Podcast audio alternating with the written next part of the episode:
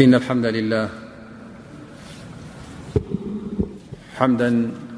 كثيرا طيبا ملء السماوات وملء الأرض وملء ما بينهما حمدا يوافي نعمه ويكافي مزيده اللهم لك الحمد كله ولك الشكر كله علانيته وسره لك الحمد حتى ترضى ولك الحمد إذا رضيت ولك الحمد بعد الرضا وأشهد أن لا إله إلا الله وحده لا شريك له وأشهد أن محمدا عبده ورسوله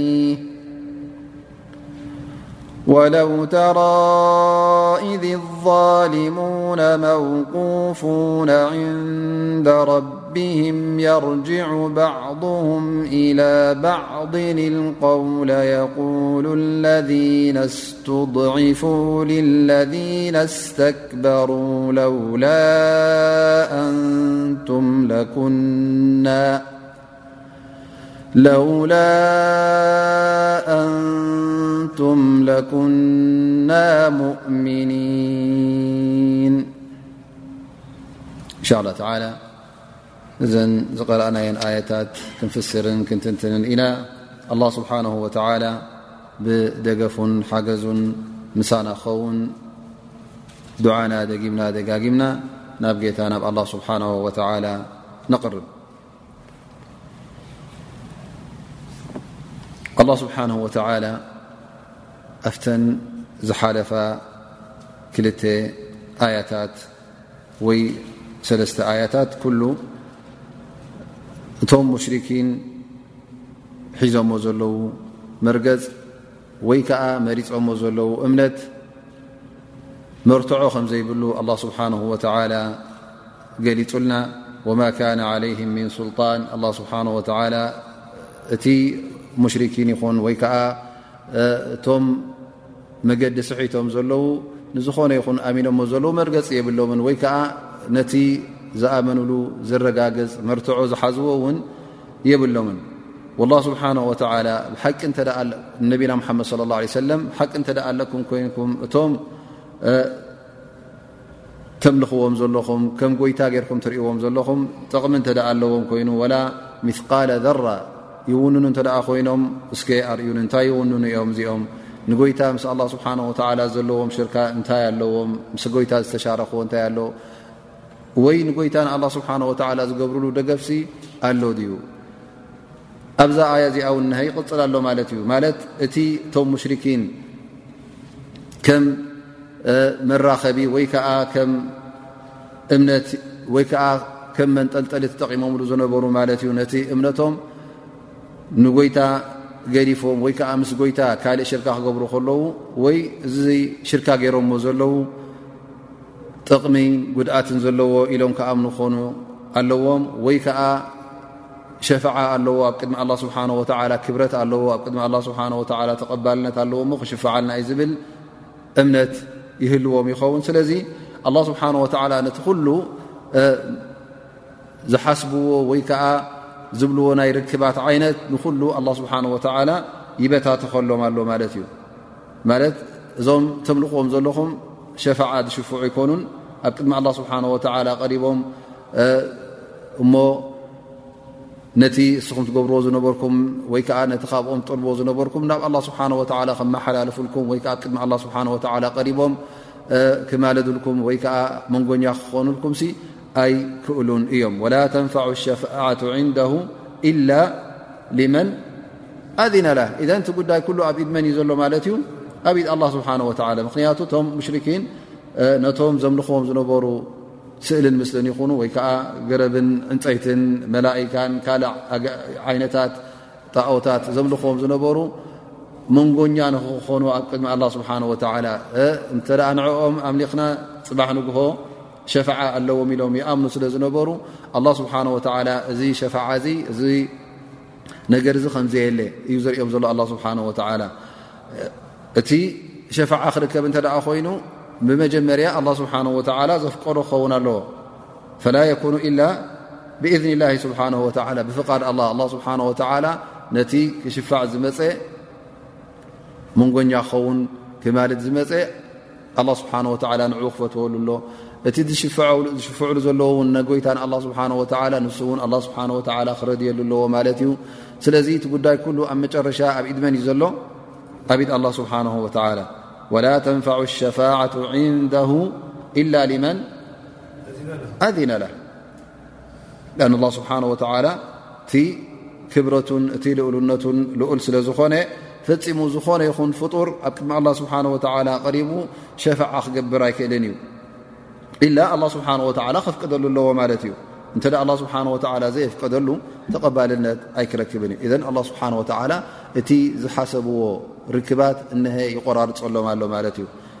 ኢዘን እዞም ሰባት እዞም ተምልኽዎም ዘለኹም ወገናት ዝመልክዎ ነገር የብሎምን ጥቕሚ ይኹን ጉድኣት ይኹን እውን ዝገብርዎ የብሎምን ምስ ጎይታ ምስ ኣላ ስብሓን ወተዓላ ተሻርኽቲ ይኮኑን ኣብ ፍጥረቱን ኣብ ጎይትነቱን ዝሻርኽዎ ኣይኮኑን ከምኡ እውን ንጎይታ ንኣላ ስብሓን ወተዓላ ዝገብርሉ ናይ ሓገዝ የብሎምን ኣብ መጨረሻ ውን ወላ ሸፋዓ ክገብሩ ኣብ ቅድሚ ኣላ ስብሓን ወተላ ቀሪቦም ውን ኣይክእሉን እዮም እዚ ነገር እዚ ኣብ ኢድ ኣላ ስብሓን ወተላ እዩ ኣላ ስብሓን ወተላ ከፍቅዶ ኣለዎ እዚ ስለ ዘይኮነ ከዓ እን እቶም ጠምልኽዎም ዘለኹም ኩሎም ረብሓን ጥቕምን የብሎምን ካብቲ ዘገርም እዞም ሙሽርኪን እዚኦም ንነቢና ሙሓመድ ለ ላ ለ ወሰለም ክነፅጉ ከለዉ ልኡኽ ጎይታይ ኮንካ ክብልዎ ከለዉ ስለምንታይ እዮም እስኻስ ሰብ ከማና ኢኻ ፍጡር ከማና ኢኻ ከመይ ጌርካ ንስኻ ልኡኽ ጎይታ ትኸውን ኢሎም ንነቢና ሙሓመድ ለ ላ ለ ወሰለም ነፂጎም ላኪን ተረእኻዮም ነዚ ነፂጎም ንመን ከምልኹ ይርከቡ ንጎይታ ገዲፎም ንዕንጨይቲ ንገረብ ንተፀርበ እምኒ ንጣኦት ንዕኡ የምልኹ ማለት እዩ እዚ ገዛእ ርእሱ ንወዲ ሰብ ከገርሞ ዝኽእል ይኸውን ማለት እዩ ምክንያቱ እዞም ሰባት እዚኦም እቲ መልሲ ናቶም ክትርኢ ከለኻ ከምዚ ናይ ኣእምሮ ዘለዎ ዓቕሊ ዘለዎ ሰብ ኮይኑ ይመስል ላኪን ተረኣኻዮም እዞም ሰባት እዚኦም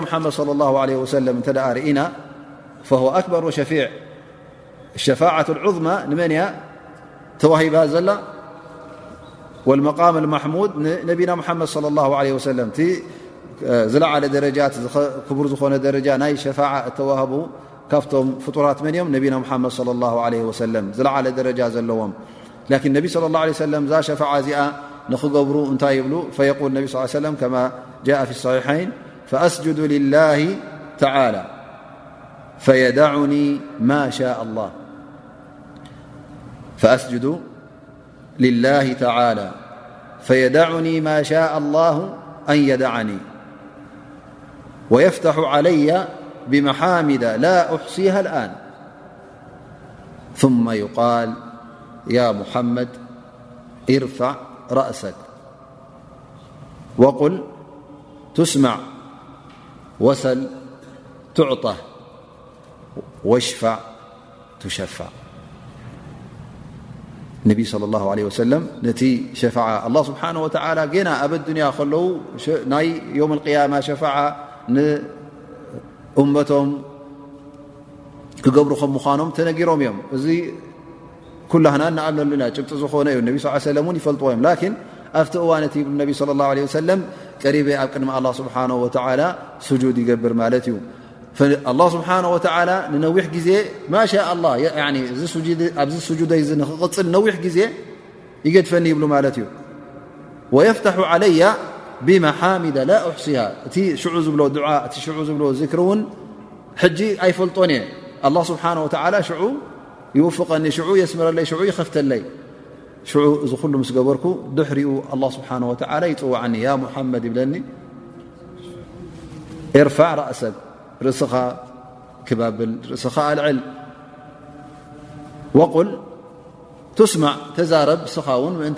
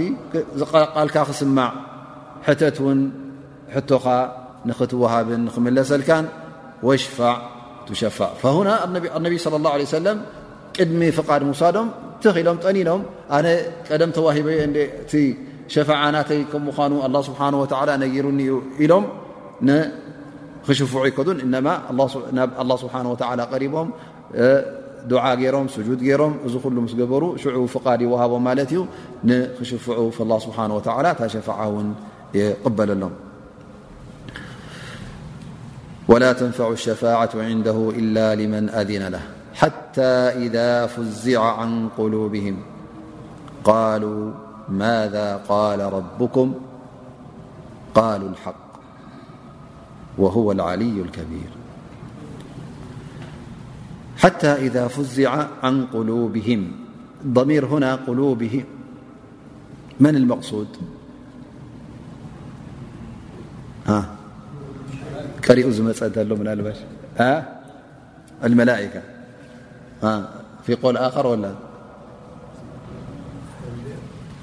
لخروهذا قول الملئكبعابن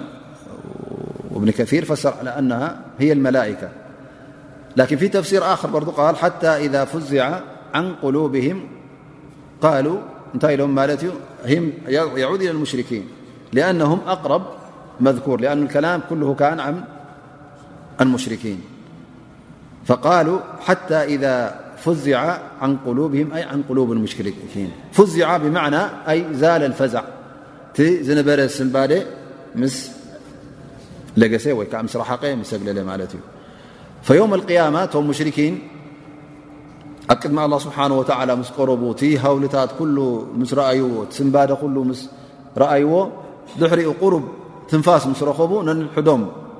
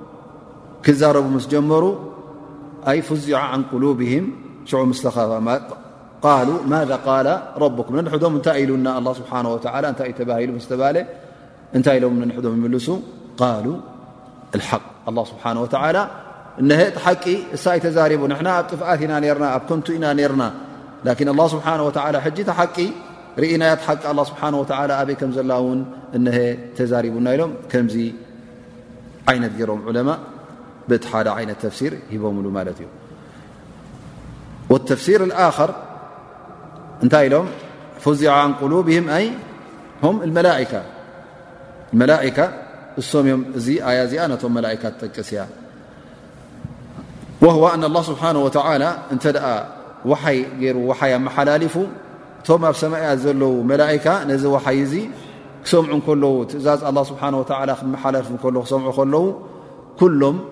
ራዕዲ ይሕዞም ኩሎም ውን ይስንብዱ እንታይ ዩ ትእዛዝ ዝመፅ ዘሎ ኢሎም ክሳዕ ገሊኦም ደንፀሩ ፅርሩ ዝብሎም ክሳዕ ልቦም ዝፀፍኦም ውን ይኾኑ ማለት እዩ ድሕሪኡ እዚ ስንባደ እዚ ምስ ከደሎም እንታይ ይኾኑ ማለት እዩ ሽዑ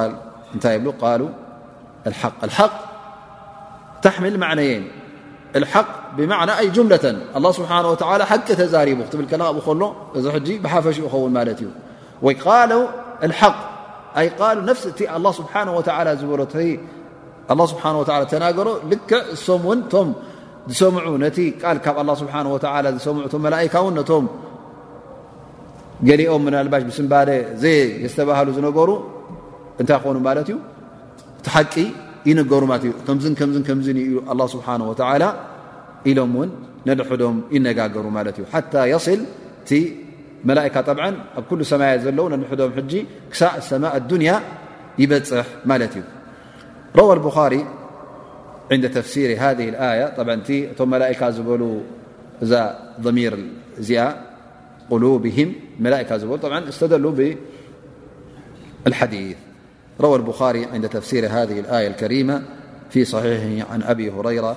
رضي الله عنه يقول إن نبي الله صلى الله عليه وسلم - قال إذا قضى الله تعالى الأمر في السماء ضربت الملائكة بأجنحتها خضعانا لقوله كأنه سلسلة على صفوان فإذا فزع عن قلوبهم قالوا ماذا قال ربكم قالوا للذي قال الحق وهو العلي الكبير فيستمعها مسترق السمع ومسترق السمع هكذا يعني بعضه فوق بعض فيسمع الكلمة فيلقيها إلى من تحته ثم يلقيها الآخر إلى من تحته حتى يلقيها على لسان الساحر أو الكاهن فربما أدركه الشهاب قبل أن يلقيها وربما ألقاها قبل أن يدركه فيكذب معها مئة كذبة فيقال أليس قد قال لنا يوم كذا وكذا فيصدق بتلك الكلمة التي سمعت من السماء أ حدث انبي صلى الله عليه وسلم بل الله سبحانه وتعالى ገለ ነገር ክእዝዝ እንከሎ ኣብ ሰማይ ኩሎም እቶም መላኢካ በቲ ግልግለኦም ወይ ከዓ በቲ ክንፎም የንቀሳቕሱ ማለት እዩ ከም ልክዕ ከም ሓፂን ሰንሰለት ኣብ ከውሒ ዝሃርም ዘሎ ድምፂ ከምኡ ውን ድምፂ ይገብሩ የውፅእ ማለት እዩ እቲ ናይ ግልግሌኦም እዚ ከዓ ብስምንታይ እዩ ብሰንኪ ካብ ኣላ ስብሓን ወተዓላ ፍርሃቶም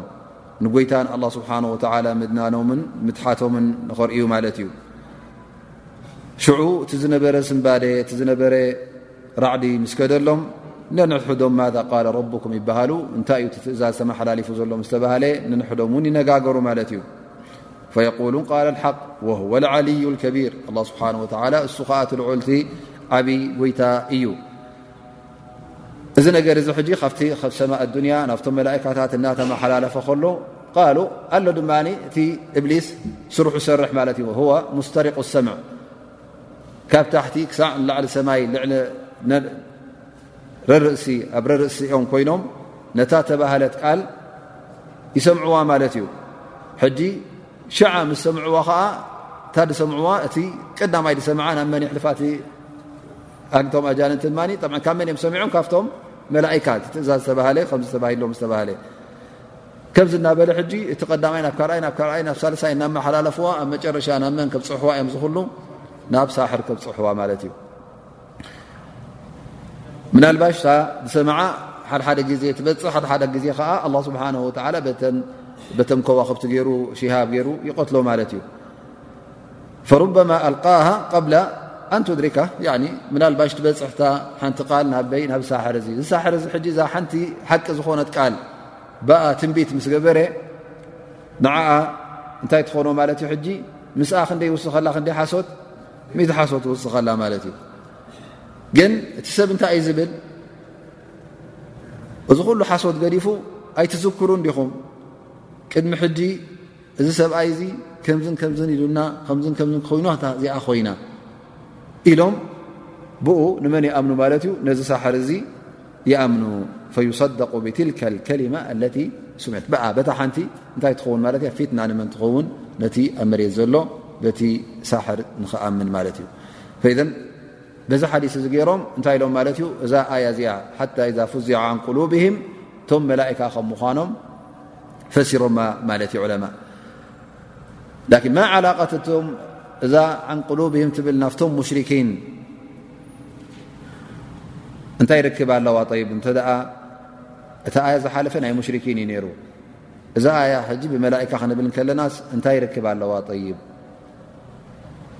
ኣብቲ ተፍሲር ቃሉ ኣንቱም ሙሽርኪን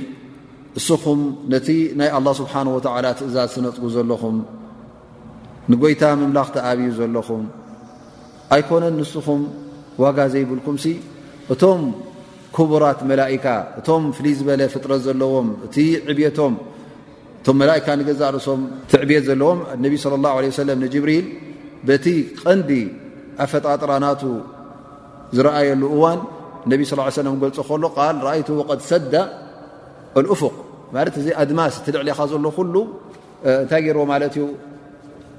ጅብሪል ሸፊንዎ ማለት እዩ ሃ ዒም ናይ መን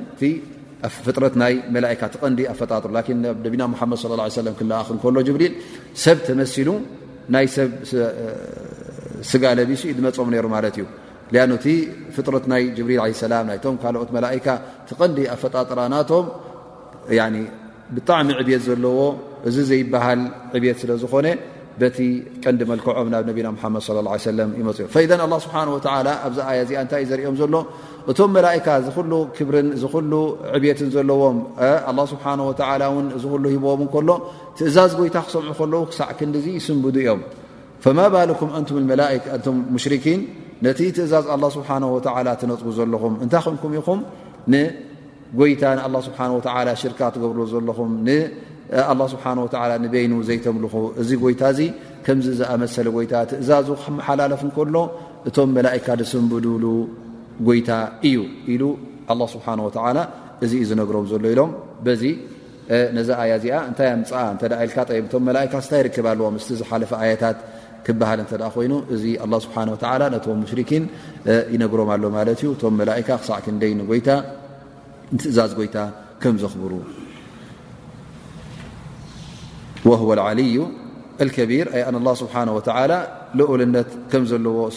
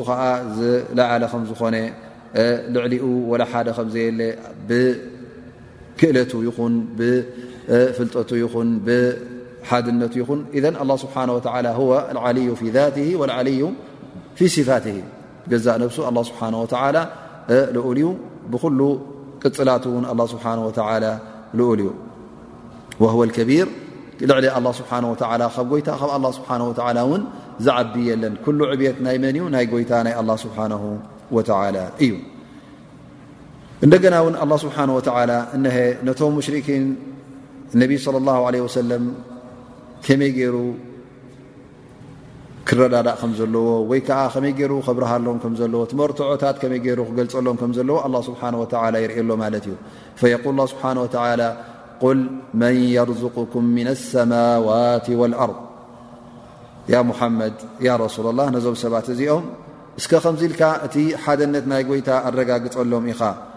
መን እዩ ብጀካ ኣላ ስብሓን ወተዓላ ካብ ሰማይ ብዝናም ኮይኑ ካብ መሬት ውን ብዝፈሪ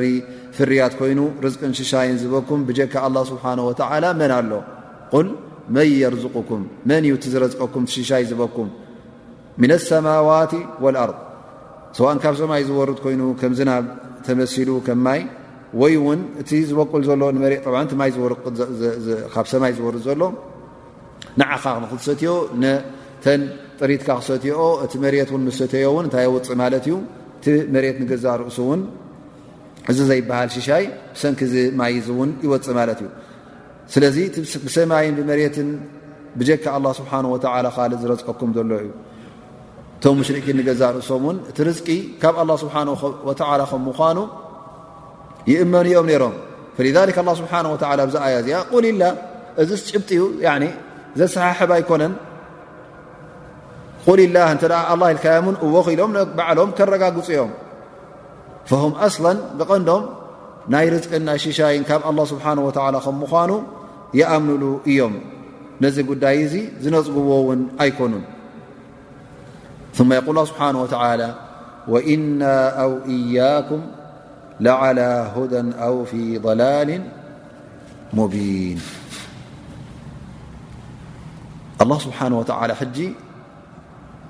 እቲ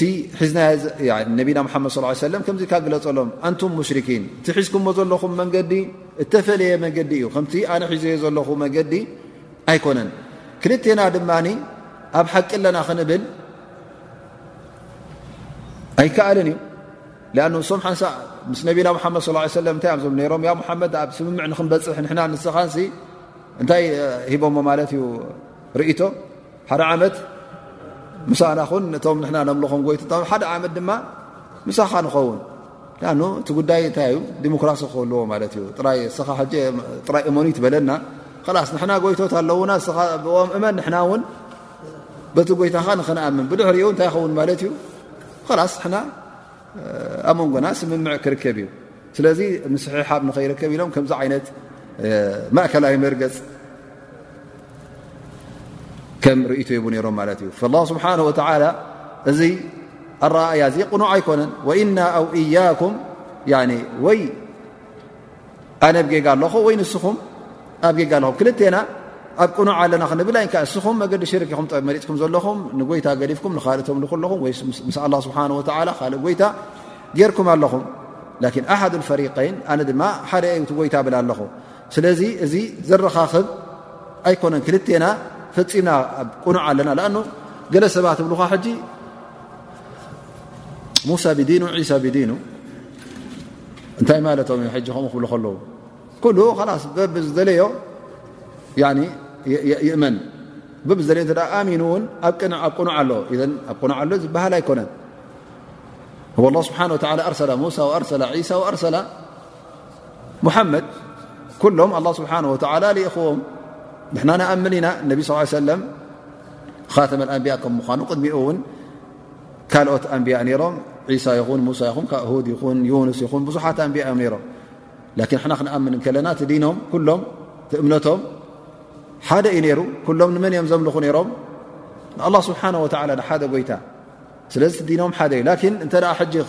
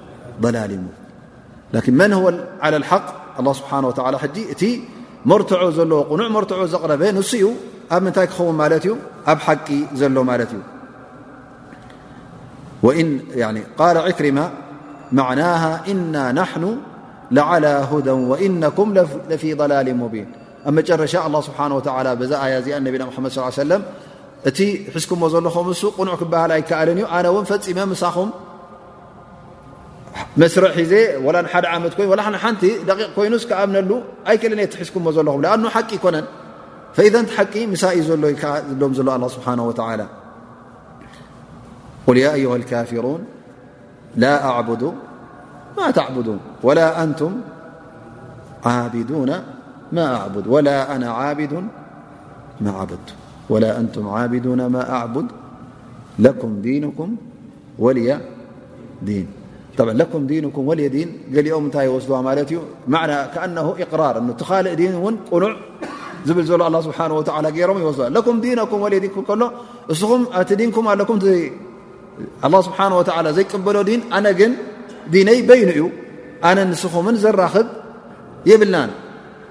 ምክንያቱ ሓደና ኣብ ቅኑዕ መንገዲ ኣሎ ሓደና ከዓ ኣብ ጥፉእ ዘሎ እዩ ማለት ኣነ ግን ኣብታ ቅንዕቲ መንገዲ ከም ዘለኹ እየ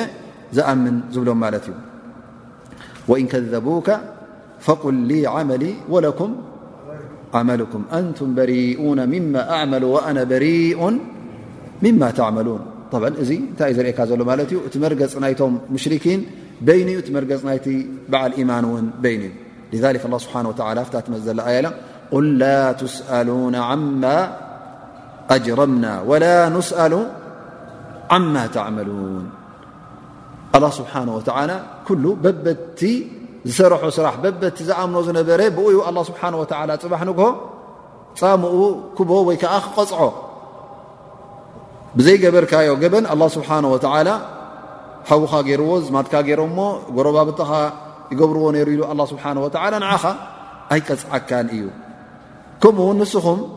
በቲ ንሕና ንጋገዮ ዘለና ገበን እተ ኣለና ኮይኑ እተ ጌጋ ኣለና ኮይኑ ጀሪማ ገበን ዝገበርና እተ ኣሎ ኮይኑ ንስኹም ውን ኣላ ስብሓን ወላ በቲ ገበን ዝገበርክዎ እውን ኣይክቐፅዓኩምን እዩ እዘ ኩሉ ዋሕድ ይስኣል ዓማ የፍዓል ቁላ ትስኣሉና ዓማ ኣጅረምና ወላ ንስኣሉ ዓማ ተዕመሉን ስለዚ እቲ እምነት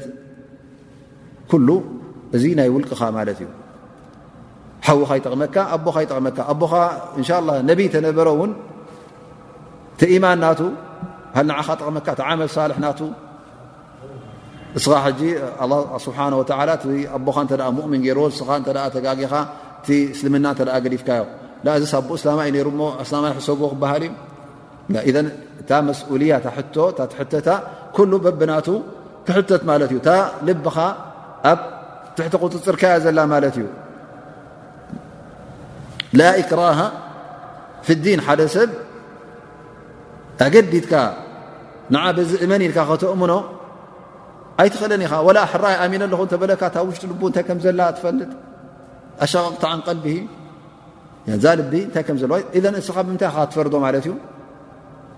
በቲ ግዳሙ ኢኻ ትሪኦ ዘለኻ ብዛህር እንተ ቁኑዕ ኮይኑ እተ ፅቡቕ ገብር ኣሎ ኮይኑ በዓል ኢማን ኢልካ ትሪኦ ማለት እዩ ላኪን ታልቡ ኒፋቅ እተ ኣለዋ ኮይኑ ጥፍኣት እተ ኣለዋ ኮይኑ መን ይፈልጣ እዚኣ ኣላ ስብሓን ወተላ ይፈልጣ ንሱ እውን እንታይ ሓቢኡከም ዘሎ ይፈልጥ ማለት እዩ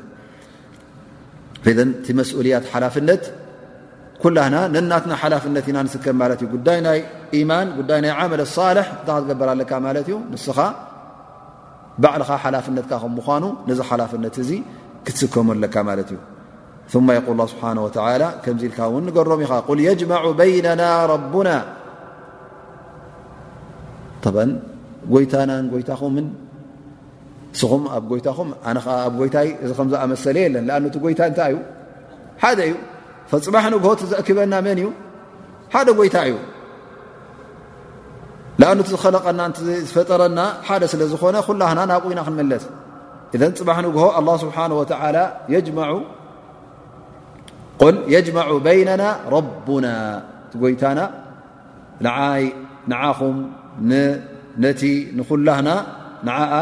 ጎይታና ዝኾነ ክእክበና እዩ ثመ የፍታሑ በይነና ብልሓቅ ላ ስብሓን ወተላ ኣብ ዮም ቅያማ ኩሉ እዚ ፍጡር እዚ ኣብ ሓደ ቦታ ኣብ ሰፊሕ ሜዳ ኣብ ጎልጎል ክእክቦም ማለት እዩ ኩሉ እውን ክፍረድ ይሽዑ ኣኑ ኣላ ስብሓን ወተላ ዮም ቅያማ ከም ዘሎ መዓልቲ ፍርዲ ከም ዘሎ መዓልቲ ውሳነ ከም ዘሎ ነጊሩና ማለት እዩ ፈዩጃዛ ኩሉን ብማ ዓሚል በቢ ዝገበርካዮ እታ ናካ እታ ኢድካ እታ ዘሕለፍካያ ኣብኣ ክትፀንሓካዮ ማለት እዩ ሽዑ እውን መን እዩ እቲ ኣብ ሓቂ ዝነበረ መን እዩ ከዓ ትጠፊኡ ዝነበረ ኩላህና ክንፈልጥ ኢና ወየውመ ተቁሙ ሳዓት የውመኢድ የተፈረቁን ፈኣማ ለذ ኣመኑ ዓሚሉ صሊሓት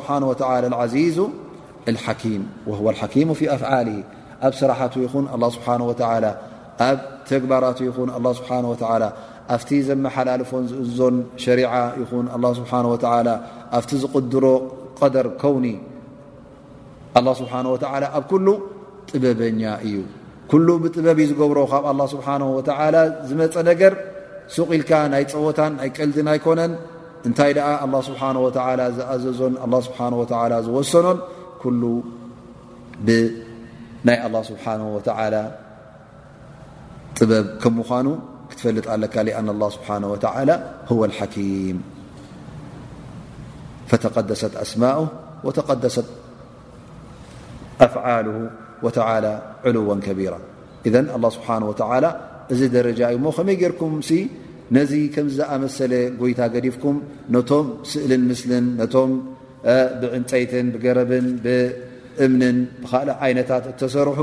ጎይታ ኢልኩም ተኣምንሎም እዚኦም ፈፂሞም ጎይታ ክኾኑ ኣይክእሉን እዮም ንጎይትነት ዝበቕዑ ኣይኮኑን ስለዚ ካብኦም ደኣ ተላቐቑ ኢኹም እዚ እቲ ቐንዲ ጥፍኣት እቶም ኣንብያ ይኹኑ እቶም ልኡኻን ኩሎም ን ተላእኩ ነዚ ቅንዲ ጥፍኣት እዚ ንኸጥፍኡ እዮም መፅኦም ማለት እዩ ኣነቱ ሽርክ እነ ሽርከ ለظልሙ ዓም እዚ ጥፍኣት ማለት እዩ ኣኑ ሓደ ሰብ ኣብቲ እምነት እንተ ጠፊኡ ብድሕሪኡ ዝገብሮ ኩሉ ፋይዳ የብሉን ጠቕምን ረብሓን እውን የብሉን ማለት እዩ ስለዚ ታ ቐንዲ ክንፈልጣ ዘለና ማለት እዩ ኩሉ ግዜ ክንስሕታ ዘይብልና ሰዋእን ንነብስና ክንቆፃፀር ኮይኑ ወይ ከዓ ነቶም ኣብ ትሕቴና ዘለዉ ደቅና ንዕኦም ክንምልምል እንተ ደኣ ኮይና እዚ ጉዳይ ናይ እምነት ቀዳምነት ክንበ ኣለና ማለት እዩ ንሱ እንተ ደኣ ኣሎ ኩሉ ክዕረ ከም ዝከኣል ኣላ ወኢነ ፊ ልጀሰድ ሙድغ ኢዛ ሰላሓት ሰላሖ ጀሰዱ ኩሉ ወኢዛ ፈሰደት ፈሰደ ጀሰዱ ኩሉ ስለዚ ዝኾነ ይኹን ቀንዲ ኣለዎ ማለት እዩ እቲ ቀንዲ ናይ እስልምና ከዓ ቀንዲ ናይና እዩ እቲ ናይ እምነት ብኣላ ስብሓን ወተላ ጎይታ ኣላ ስብሓን ወተላ ሓደ ከም ምኳኑ ንሱ ጎይታ ከም ምኳኑ ንኡ ብኣላ ስብሓን ወተላ ሸሃዳ ንክትገብር ንኡ ሒዝካ ካብኡ ተበጊስካ እቲ ናይ ኢማን ነገር ኩሉ ንሱ ቀንዲ ይኸውን ማለት እዩ እሱ እንተ ተዓርዩ ከዓ ብርሕሪኡ ትካልእ ንክዕረ ቀሊል ይኸውን ማለት እዩ ላኪን እዚ ናይ እምነት ነገር እንተ ተበላሽካ ግን ዝገበርካ እንተገበርካ ኩሉ እንታይ ክኸውን ማለት እዩ ኮንቱ ኮይኑ ክተርፍ እዩ ማለት እዩ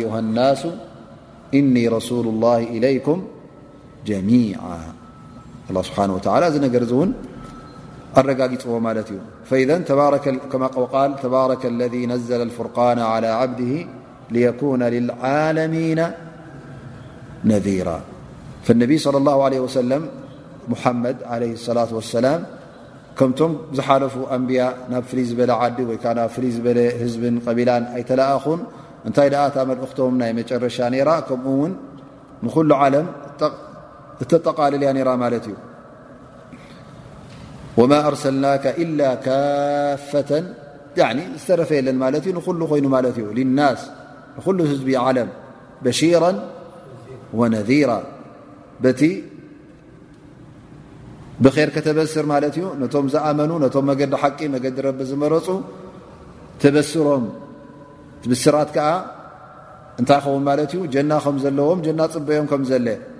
ከም ዘሎ ከምኡ ውን ነቶም ዝኣበዩ ነቶም መገዲ ኣላ ስብሓን ወተላ ዝሰሓቱ ንኦም ከዓ ከተጠንቅቕ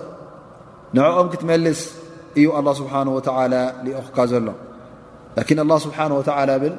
ከምዚ ገይሩ ልኢኹካ ከሎ ትሰብ እውን ኣይክሰምዕን እዩ ወላኪና ኣክተር ናሲ ላ ያዕለሙን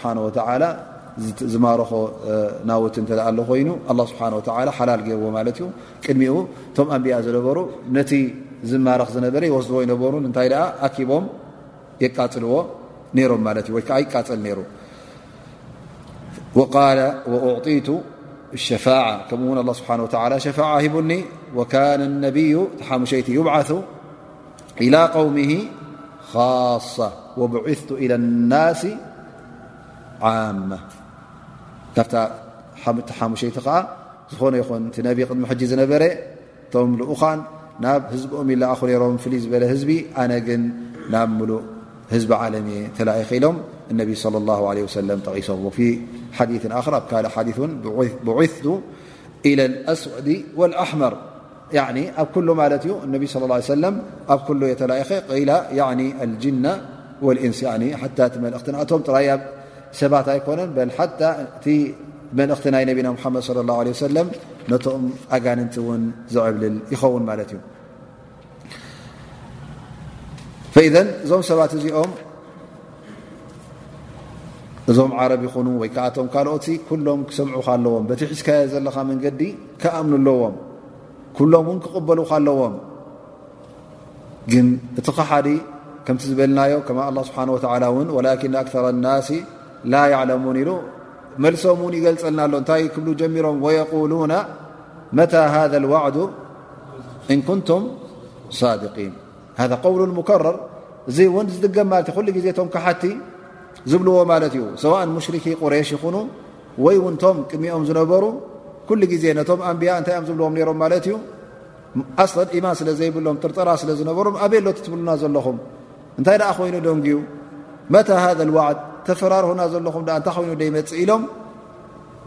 ከም መላገፂ ገይሮም ይምልሱ ነይሮም ማለት እዩ ወየቁሉና መታ ሃذ ዋዕዱ እን ኩንቱም ሳድቂን ላ ስብሓን ወተላ እውን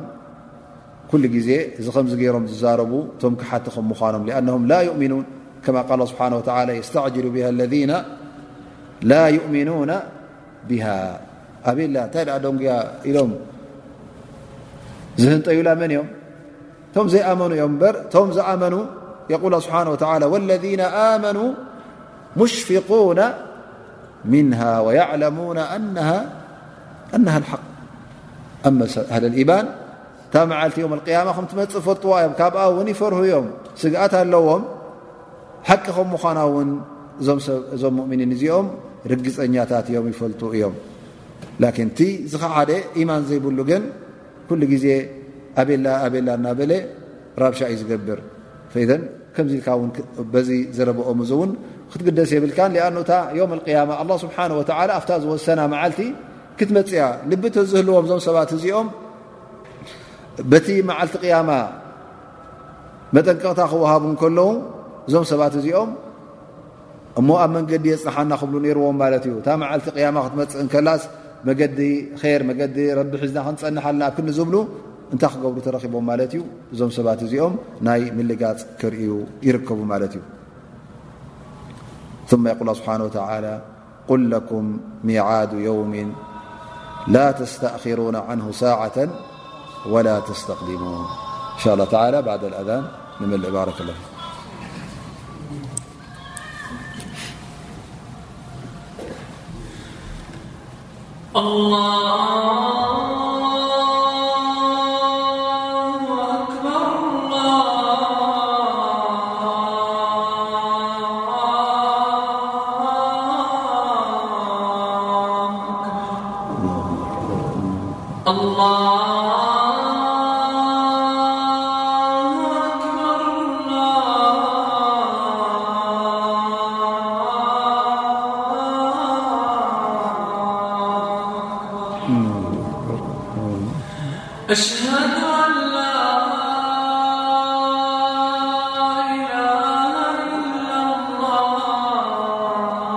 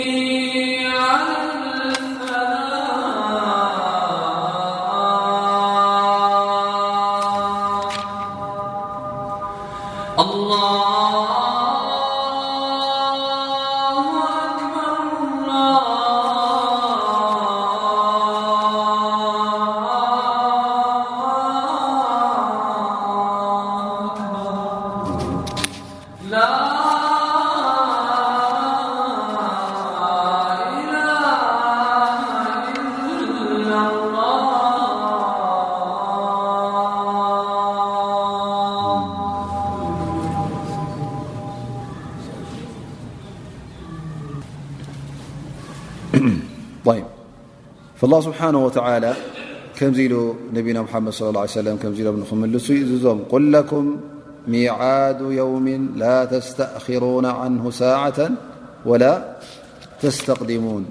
ኢሎም ንክምልሱ ኣላ ስብሓን ወተላ ይሕብሮም ማለት እዩ ማለት ኣንቱም ትህወኹ ዘለኹም ትህንጠዩ ዘለኹም ኣቤላ እዛ መዓልቲ እዚኣ መዓልቲ ዮም ኣልቅያማ ትብልዋ ዘለኹም እዛ መዓልቲ እዚኣ ክትመፅእያ ተወሰነት መዓልቲ እያ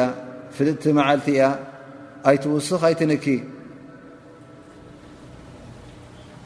ደቂቕ ኣይትውስኽ መዓልቲ ይትወስኽ فإذا جاء أجلها فلا يستأخرون ساعة ولا يستقدمون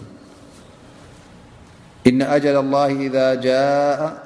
لا يؤخر الله سبحانه وتعالى تمتن مت يمة يول يمملتن ت هتن يوم القيامةالله سبحانه وتعلى وسلت معلتري ወዲ ሰብ ኣይፍለጣ ዝኾነ ይኹን ልኡኽ ኣላ ስብሓን ወተዓላ ዝኾነ እውን ኣላ ስብሓን ወተዓላ ኣይንበሮም ድኣ እምበር ሽዑ ነቢ ስ ሰለም ጅብሪል መፅኡ ምስ ሓተቶም ኣክቢርኒ ዓን ሳዕ ምስ በለ